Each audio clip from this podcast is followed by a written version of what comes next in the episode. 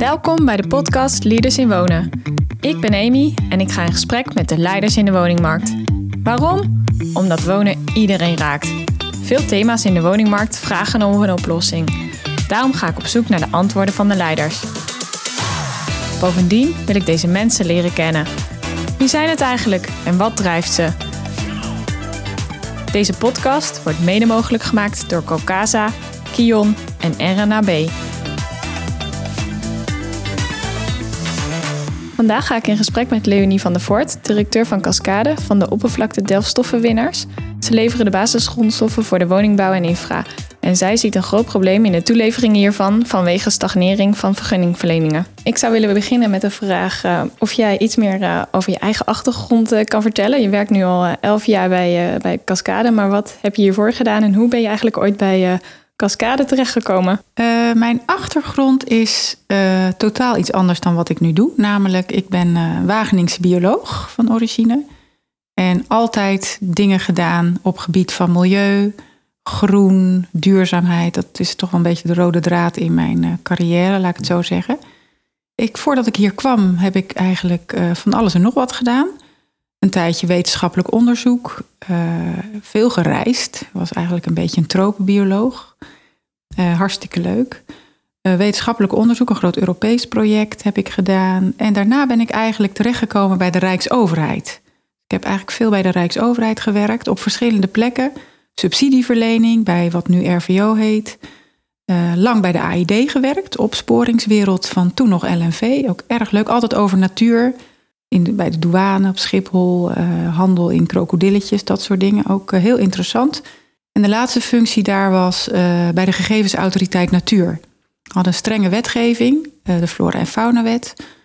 Het bedrijfsleven begon eigenlijk te klagen: Nederland zit op slot. Een hele strenge wet. En waar zitten al die flora en fauna dan? Nou, dat klopte ook wel, was erg streng. En de, over, de overheid had eigenlijk geen instrument bedacht waarmee dat bedrijfsleven uit de voeten kon met die wet. Nou, toen ben ik bij de Gegevensautoriteit Natuur gaan werken. Die was toen opgericht om een grote database eigenlijk te bouwen met alle gegevens van flora en fauna in Nederland daarin. Met alle partijen die die gegevens verzamelden. En zo ben ik toen eigenlijk een keer terechtgekomen bij Cascade. Omdat ik daar ging uitleggen van uh, ja, waar moet je nou eigenlijk rekening mee houden bij vergunningverlening met flora en fauna. En hoe kun je die database van die gegevensautoriteit natuur, Nationale Databank Flora en Fauna, hoe kun je die daar nou bij gebruiken? Nou, dat vond men blijkbaar zo aansprekend dat toen ik dacht, ik ga nog een keer een gesprek voeren hoe ze daar lid van kunnen worden, uh, kwam aan het eind van dat gesprek eigenlijk de vraag van, goh, wij zoeken eigenlijk een nieuwe directeur bij Cascade. Is dat wat voor jou? Nou, mijn eerste reactie, ik zal eerlijk zijn, was dat lijkt mij dus helemaal niets. Dat zand en grind en uh, ik zag ook in die bijeenkomst alleen maar mannen. Ik dacht, nou, dat weet ik niet allemaal. Maar uh, toen kwam ik er ook achter dat toen de toenmalig voorzitter was Ad van de Biggelaar. En Ad was ooit, lang geleden, oud-directeur Stichting Natuur en Milieu. Nou, die kende ik natuurlijk als bioloog wel. En toen dacht ik, als die Ad van de Biggelaar daar zit, in dat bestuur, dan zit daar een wereld achter die ik zo niet zie. Uh, toen heb ik een paar gesprekken met Ad uh, gehad. En ik kwam er toen eigenlijk achter van, nou, als je iets wil betekenen voor natuur en biodiversiteit, is deze branche de plek om te zijn. Ik merkte ook dat ik vanuit mijn groene achtergrond overheid die brug naar het bedrijfsleven slecht kon slaan. Ik had al heel snel in de gaten, ik begrijp niet goed waar die bedrijven eh, warm van worden. En zij begrepen mij ook niet. Dus ik dacht, als ik nou overstap, dan kan ik die brug later, als ik alles weet hier, dan kan ik die brug later wel terugslaan. En dat was eigenlijk de reden waarom ik dacht, ja, ik ga toch uh, een kans geven. Zo ben ik hier gekomen. Nou, je zegt de twee dingen die ik heel interessant vind. Uh, het eerste, er zit een hele wereld achter die, uh, die je eerder niet uh, weet. Of als je hier werkt bij Cascade, dan heb je ook te maken met natuurontwikkeling. Ja. Kan je daar iets meer over vertellen? Jazeker. nou kijk, eigenlijk de zand- en grindwinning en de andere delfstoffen, ook klei en zilverzand en zand voor de kalkzandindustrie, die zit gewoon in de, in de Nederlandse bodem. Veelal langs de grote rivieren, maar ook op andere plekken. En die win je eigenlijk omdat de bouw bouwgrondstoffen nodig heeft. Uh, meestal, uh, als je een vergunning vraagt om dat soort werkzaamheden te doen, dan is de, een vergunningvoorwaarde dat gebied weer zo op te leveren dat het een mooi natuurgebied is. Dus je begint eigenlijk met een agrarisch gebied, vaak langs grote rivieren, maar ook op andere plekken. Uh, daar win je de, de oppervlaktedelfstoffen, dus bijvoorbeeld zand en grind. En vervolgens lever je dat op als een waterrijk natuurgebied. Dus eigenlijk zet je een gebied van agrarisch, ook wel vaak veel met mest en uh, stikstofuitstoot. Dat zet je eigenlijk om naar een, naar, naar een uh, waterrijk natuurgebied. Dus die winst voor biodiversiteit, daar hebben we ook onderzoeken van. Ja, die is gigantisch. Hè? Dat kun je wel voorstellen. Een uh, zwaar bemest agrarisch gebied of een waterrijk natuurgebied. Dus eigenlijk heel vaak zijn onze projecten aan het eind en ook al tijdens de winning, ja, wordt dat omgezet naar uh, grote natuurgebieden. Een aantal hele grote Natura 2000 gebieden. Ja, dat zijn eigenlijk oude winningen van ons. Dus nou, dat is hartstikke leuk. En hoe groot zijn die gebieden? Of ja, wat is het percentage van de winningsgebieden, wat dan ook echt natuur oplevert? Nou, als je bijvoorbeeld kijkt uh, voor de provincie Gelderland, hebben we het eens een keer uitgerekend, dus vinden we het toch wel leuk. Daar is op een gegeven moment uh, een bepaald uh, aantal hectares afgesproken met Rijkswaterstaat. Van zoveel hectare natuurgebied moet hier komen, riviergebonden natuurgebied. En 50% daarvan is door onze leden om niet, dus eigenlijk gratis, aangelegd. Dus dat gaat echt wel over honderden hectares. Zo groot zijn die projecten nou ook weer niet. Maar als je dat allemaal optelt, ja, dan zijn dat toch wel echt wel grote, grote oppervlakten. En het tweede wat je zei uh, in je introductie was: uh, ik ging um, bij Cascade werken om de brug weer terug te slaan. Ja. Hoe was dat in het begin en hoe gaat dat nu? Nou, dat was ongelooflijk interessant wat mij toen overkwam. Uh, en dat, ik had het kunnen weten vanwege mijn ja, vele reizen in, door, door de wereld. Werd je altijd voorbereid van als jij naar een tropisch land, of naar Afrika, een tijdje in Cameroen uh, gewerkt. Als je naar zo'n land toe gaat, dan ben je voorbereid op alles is hier anders. En de cultuurshock komt als je terug naar Nederland komt, omdat je zelf ook een beetje bent veranderd. Nou, wat gebeurde er? Het was eigenlijk heel grappig. Um, ik ging dus bij deze branche werken en leerde ook het bedrijfsleven kennen en wat drijft men. Op een gegeven moment dacht ik, ik weet genoeg. Ik kan de brug naar de groene wereld nu goed terugslaan. Met het idee, die, dat is mijn vertrouwde wereld, daar kom ik vandaan. Maar het gekke was, toen ik terugging naar die groene wereld, werd ik ontvangen met wantrouwen. Men had zoiets van, ja, maar jij bent toch overgelopen? Uh, jij, hoort, jij hoort eigenlijk niet meer hier, want jij hoort nu eigenlijk bij de overkant. En toen dacht ik, oh ja, dat had ik eigenlijk kunnen weten. Ik was toen ik naar het bedrijfsleven ging, was ik voorbereid op alles is anders. Uh, en ik merkte dus, uh, toen ik zelf bij, in die groene kant zat, dacht ik dat bedrijfsleven, dat wil niks. Dat is natuurlijk vreselijk allemaal daar. En toen zat ik bij dat bedrijfsleven. Nou, het viel me alles mee, ze willen van alles. En toen wilde ik die brug terugslaan en ik ontmoette dus wantrouwen. En toen dacht ik, oh, wacht even. Ik kan me wel voorstellen dat die twee uh, kanten elkaar niet altijd vinden.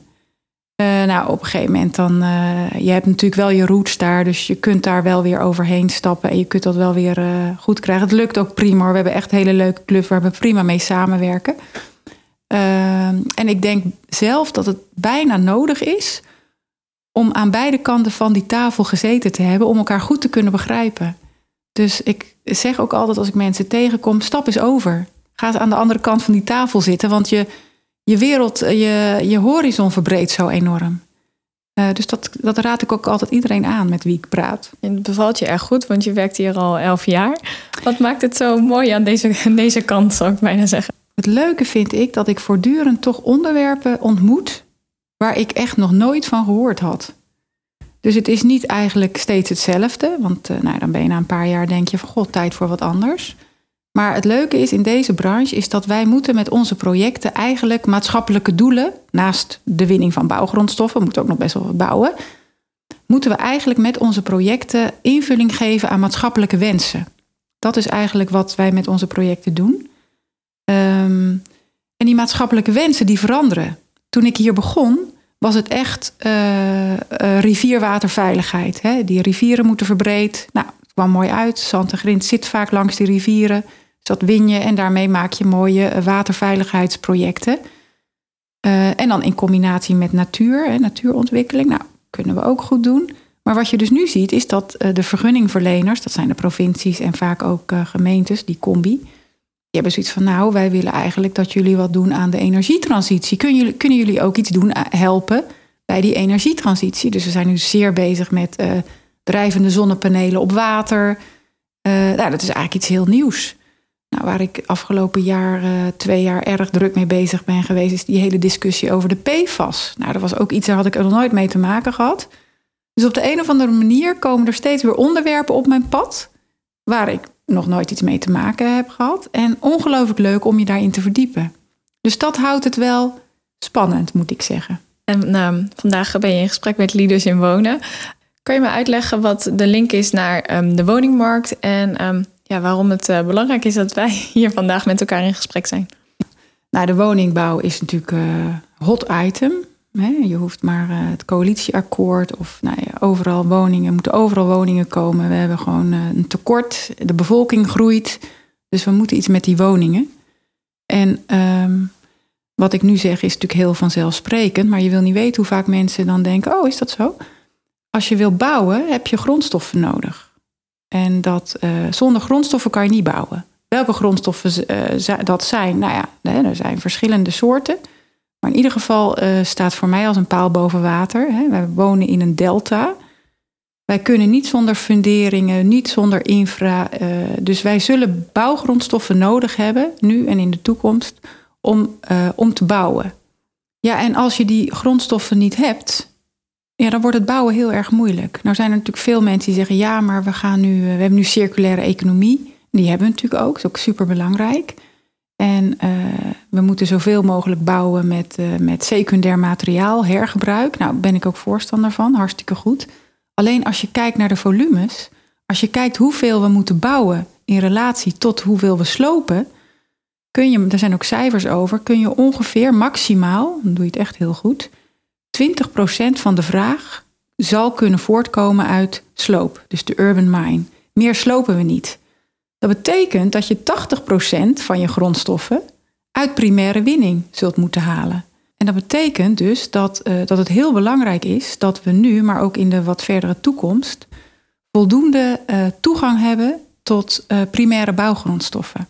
Nou, die bouwgrondstoffen die, die winnen wij met onze projecten in combinatie met de realisatie van andere maatschappelijke doelen.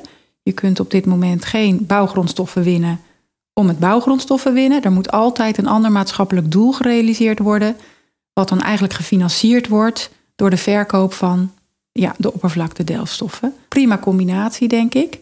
Maar wat je wel moet weten, en dat is ook wel een belangrijk punt, we hebben dus 80% zal uit die primaire winning nog voort moeten komen.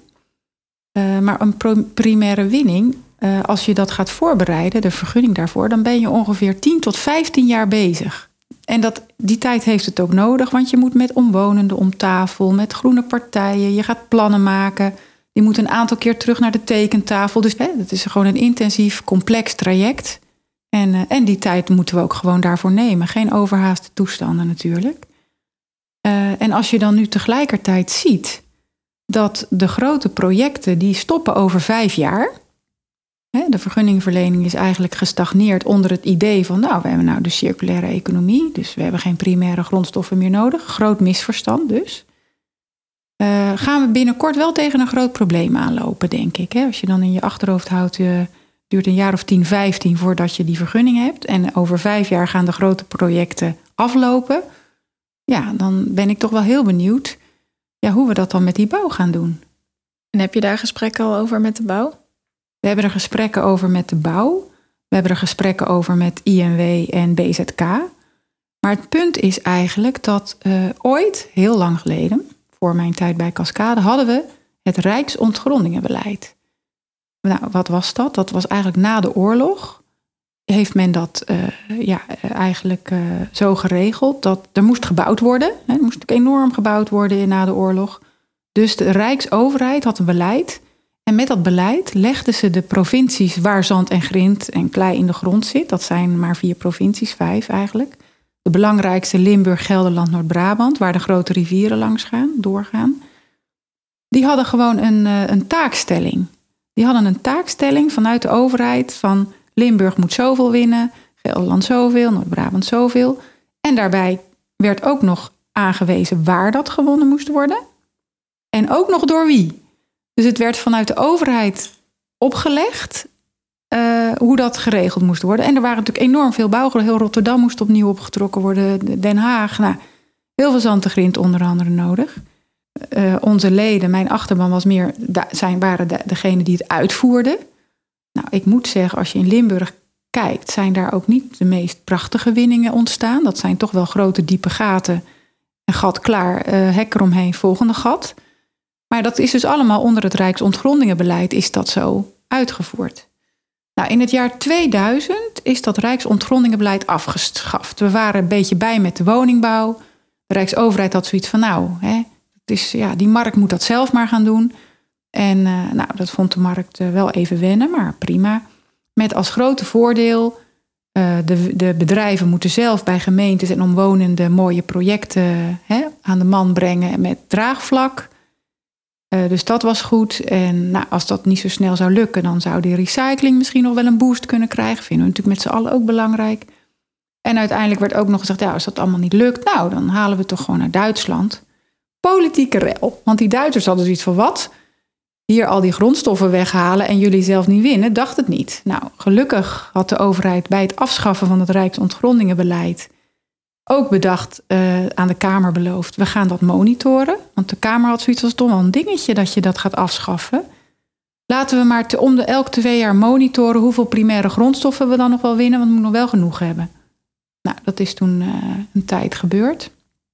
We zagen wel inderdaad um, een dip in de productie. Want ja, het duurde toen ook al 10 tot 15 jaar voordat die uh, winningen dan allemaal, aan de, allemaal tegelijk natuurlijk ook aan de gang gingen. Recycling kreeg ook geen boost. En we gingen heel veel importeren uit Duitsland. Waardoor die Duitsers mij ook altijd vragen: heb je al je monitoring? En jullie winnen toch zelf ook nog? Wij zijn als Nederland niet helemaal zelfvoorzienend. Voor de grove fractie, voor de beton, zijn we een klein beetje afhankelijk van het buitenland. Dus het is gewoon ook wel heel belangrijk om dat, die buitenland, dat buitenland ook tevreden te houden. Door te laten zien: kijk, wij monitoren en we winnen ook. Nou, helaas in 2016. Nou ja, wat er toen gebeurde eigenlijk was dat het Rijk heeft toen het hele ontgrondingenbeleid gedecentraliseerd naar de provincies. Naar de provincies die hè, de grondstoffen in de grond hebben zitten. En uh, uiteindelijk is men ook gestopt met de monitoring. Het beleid was gedecentraliseerd.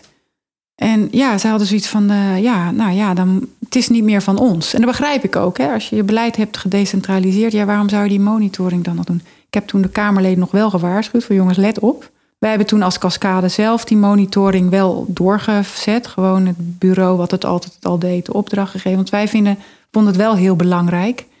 En sterker, wij hebben ook altijd gepleit van monitor nou niet alleen dat primaire, maar monitor ook het secundaire. Stel dat het bij ons wat afneemt, vinden wij natuurlijk heel jammer. Maar als het bij het secundair wat toeneemt, nou, dan heb je in ieder geval nog genoeg voor de bouw. En het leek mij altijd wel belangrijk voor de BV Nederland met die enorme bouwopgave, dat je enig zicht hebt op je bouwgrondstoffen. De tijden veranderen wel. Men heeft zich nu ineens gerealiseerd: oh jee, hebben we nog wel bouwgrondstoffen? Maar die vraag komt dus wel bij, bij jullie terecht nu. Van, Zijn er nog genoeg bouwgrondstoffen? Ja. Uh, we zijn nu bezig met de grondstoffen voor 2019, 2020. Maar wat natuurlijk veel belangrijker is, niet wat, wat winnen wij elk jaar, maar voor hoeveel jaar hebben we nog vergunningen? Nou, en die vergunningverlening is eigenlijk gestagneerd. Uh, de provincies die grondstoffen in de grond hebben, die zijn toch een beetje van ja, we hebben nu de circulaire economie en we moeten die primaire grondstoffen toch afbouwen. En ze hebben ook natuurlijk als provincie geen zicht op wat is er landelijk nodig. Ja, waarom zouden die provincie dat voor heel Nederland in kaart hebben? Dus ze gaan over een eigen provincie. Dus dat inzicht is er niet. Ja, en toch wel dat, dat uh, ja, naar mijn smaak de vergissing. We hebben nu de circulaire economie, dus we hebben geen primaire grondstoffen meer nodig. Ja, dat heeft toch in, uh, geleid tot een stagnatie in die uh, nieuwe winningsvergunningen. Met als gevolg dat we dus, uh, ik denk, straks heel hard met ons hoofd tegen de muur lopen, omdat ze dan ineens op zijn. Mij verbaast het wel dat, dat dat het geluid is vanuit iedereen. We hebben toch de circulaire economie, dat dat al helemaal geland is ten eerste. En ten tweede dat dat nou ja, dus uh, precies opvult wat dan bij jullie uh, nu niet uh, gewonnen wordt. Ja, dat is dus ook een grote vergissing. Ja, nou zijn er natuurlijk ook wel geluiden die iets anders beweren. Hè, daar zijn natuurlijk ook wel geluiden die zeggen: oh nee, maar dat is prima en dat uh, komt helemaal goed. En uh, is het heerlijk natuurlijk om te geloven dat er helemaal geen problemen zullen zijn. Maar goed, als je gewoon naar de rapporten kijkt en de cijfers, ja, is dat probleem natuurlijk wel degelijk. En dat zullen we over vijf jaar gaan ondervinden. Dan zijn er ook wel veel mensen, oh, dan, dan importeren we dat gewoon. Terwijl ik denk, ja, waar vandaan? In Duitsland is het net als in Nederland. Vergunningen zijn gestopt. We kunnen een beetje uit België halen. Die produceren ook eigenlijk voor de eigen markt. Het is een beetje denken Noorwegen, graniet. Het granuliet krijgen we er gratis bij. Uh, graniet is toch niet echt het zand en grind voor de beton. Opletten op straling. Ik hoor allemaal makkelijk gesproken, oh dan importeren we. Ik ben nog wel eens benieuwd waar vandaan. En als je kijkt naar het meest positieve scenario, dat toch um, nou ja, heel veel uh, secundair gewonnen kan worden, of dat er toch andere materialen uh, ingezet kunnen worden binnen de bouw, uh, zoals hout.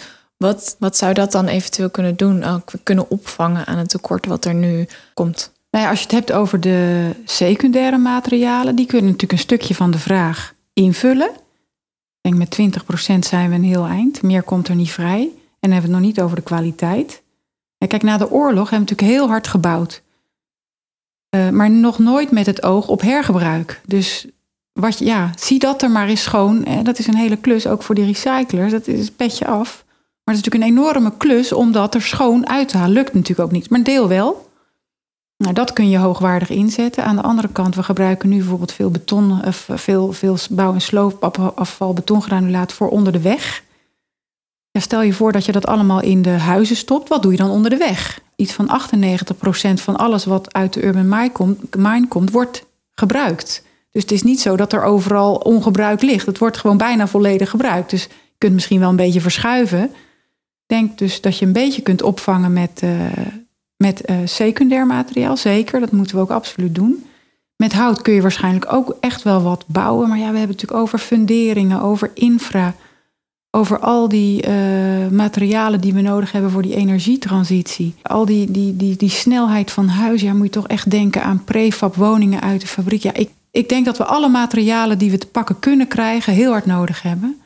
Ja, en zand en grind is, uh, is gewoon een onmisbaar uh, materiaal. En we hebben er echt ongelooflijk veel voor nodig te van nodig de komende jaren. Daar ben ik van overtuigd. Wat zie je daar nog meer binnen monitoring die jullie doen? Nou ja, we hebben de monitoring gewoon wat wordt er jaarlijks geproduceerd.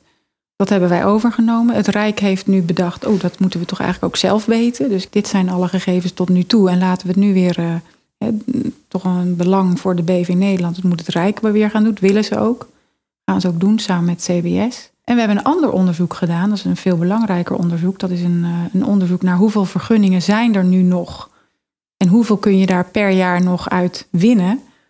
Ja, en daar komt eigenlijk dus uit dat we binnen vijf jaar eigenlijk de grovere fractie voor de beton en uh, de asfalt, het grind, ja, niet meer in Nederland kunnen winnen. Het laatste wat ik zou willen, want dat zou ik vreselijk vinden, is dat men uit paniek teruggrijpt naar dat Rijksontgrondingenbeleid. Eh, onze sector heeft natuurlijk de afgelopen twintig jaar de uiterste best gedaan om mooie projecten te maken, met uh, maatschappelijke doelen realiseren. Ja, als we nou terug moeten naar uh, taakstellingen en dat soort dingen, ja, dat zou ik toch echt, dat zou ik wel ongelooflijk jammer vinden. Ik sluit het niet helemaal uit, want we gaan natuurlijk tegen een tekort aanlopen. en toch valt mij steeds op dat men, als ik dit verhaal vertel, zich daar men totaal niet van bewust is. Uh, dus ja, wie weet helpt deze podcast er nog aan dat er mens, bij mensen het kwartje valt van, oh ja, voor bouwen heb je eigenlijk uh, oppervlaktedelfstoffenwinners nodig en winningen. En die moet je natuurlijk wel faciliteren, want anders houdt het op. Maar je zegt, ik wil niet terug naar het uh, Rijksontgroeningenbeleid, maar wij, wat wil je wel? We moeten natuurlijk in ieder geval zorgen dat dat verhaal van primair zand en grind blijft nodig. Dat moet duidelijk uh, op het netvlies komen. Uh, ik denk ook heel goed dat provincies bevoegd gezag blijven. Iets regie vanuit het Rijk. Want het Rijk heeft natuurlijk de landelijke behoeften, als het goed is, in beeld. Natuurlijk niet die provincies.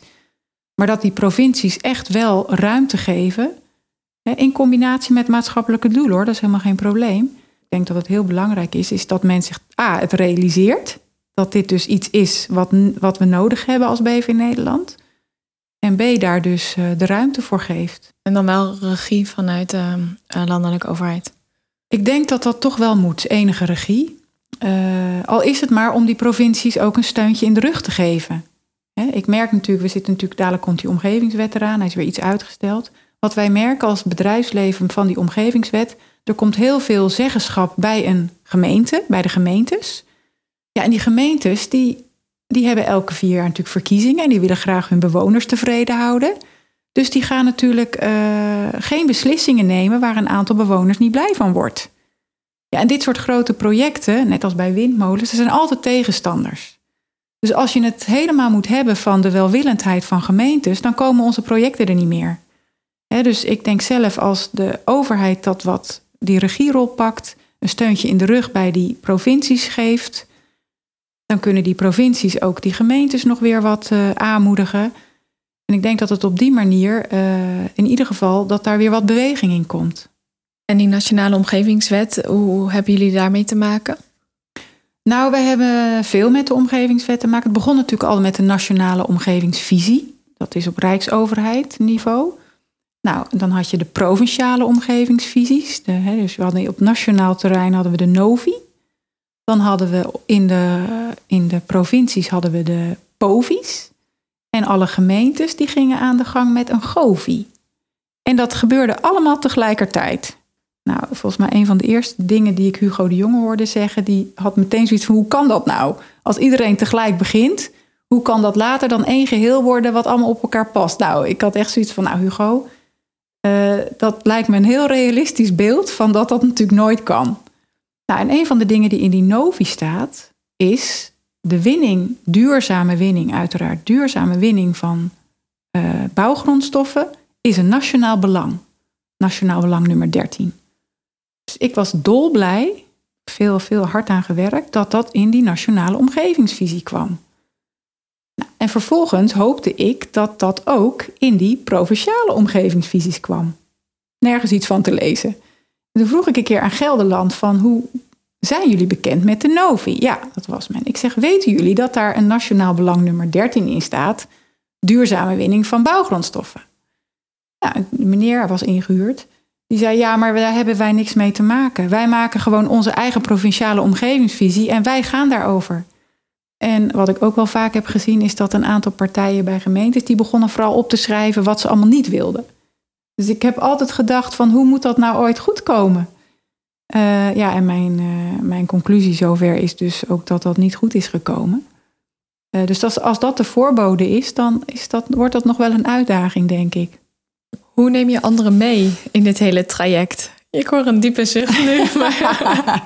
ik heb daar zelf ook over nagedacht. Hoe kan het dat mijn boodschap, die, die zo, volgens mij zo aan de basis staat van heel veel dingen, hoe kan het dat die niet overkomt? Nou ben ik een hele kleine branchevereniging. Wij hebben in Nederland maar een stuk of, nou, ik denk als je 22 bedrijven hebt die deze tak van sport beoefenen, heb je ze allemaal.